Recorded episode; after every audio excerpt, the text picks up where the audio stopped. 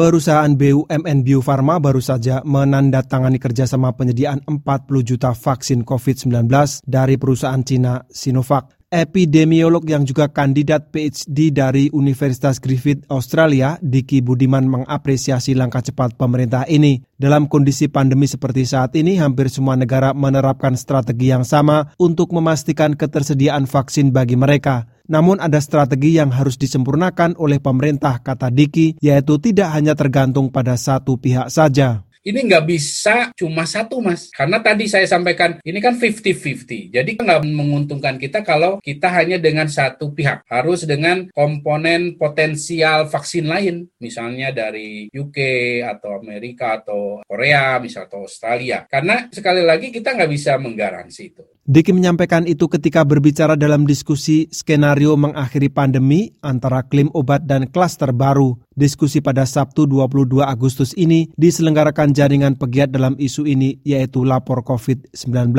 Yang disebut Diki sebagai 50-50 adalah kemungkinan keberhasilan uji klinis vaksin tahap 3. Dosen di Fakultas Kedokteran dan Ilmu Kesehatan Universitas Muhammadiyah Yogyakarta, Agus Widiatmoko menyebut, riset kesehatan adalah sesuatu yang tidak pernah berhenti. Selama proses pencarian obat khusus infeksi corona, para dokter di seluruh dunia memakai obat-obatan yang sudah ada. Tentu saja yang dipilih adalah jenis obat yang sudah biasa digunakan untuk mengatasi serangan virus RNA seperti corona yang kita miliki sekarang mencoba melihat semua kemungkinan terapi yang telah kita punya. Artinya, terapi-terapi untuk COVID ini sebetulnya kita menggunakan regimen-regimen obat-obatan yang secara umum sudah kita gunakan, tidak untuk COVID sebelumnya.